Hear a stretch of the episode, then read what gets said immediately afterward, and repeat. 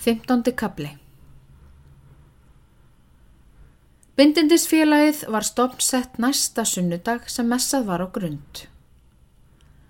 Eftir tíðir hjælt hópur ungra manna fund í þingúsinu, gengu 25 æskumenn í vinnbindindi til jafnlengdar næsta ár.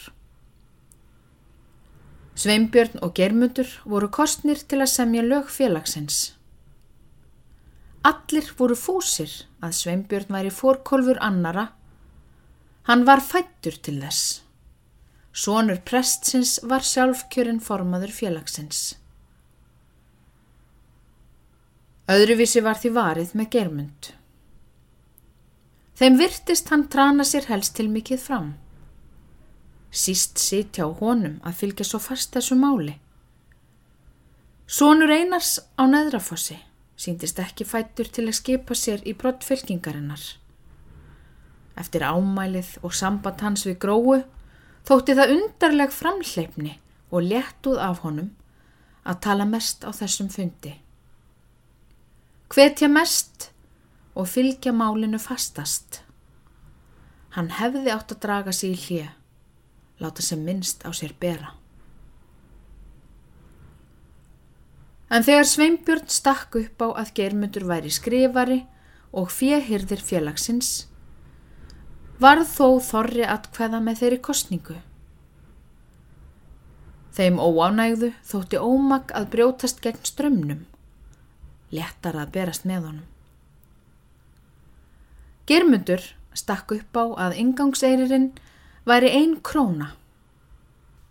Það þótti of hátt og svo þókuðu þeir því tillagi niður um helming. Rosknumönnunum þótti sem þeir bærus nokkuð mikið á, strákarnir. Óvinnir bindindisins töluðu um merkileg heitt, gorgir.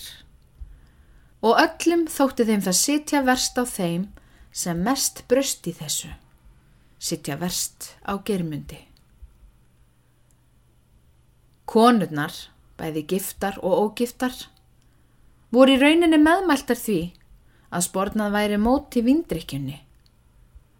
En mörgum láð þeim þó öfugt orð til germundar. Bæði fyrir önnur málefni og þetta líka. Enginn sagði þetta við hans sjálfan, korki Karl nýja kona. Fólkið í Breiðordal var ekki svo hróttalegt niður fornt í skapi. Það var farið að leytast við að feta vandgengna mjóa stígin kurtið sinnar. Sigfúsi í breyðholti líkaði að öllu vel við germund nema því einu að hann skildi taka upp á þeim skratta að smakka ekki vín og reyna til að hafa aðra til þess.